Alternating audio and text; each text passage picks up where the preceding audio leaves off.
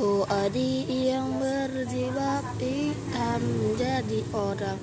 Jangan kesentelan nanti. Diikutilah setan.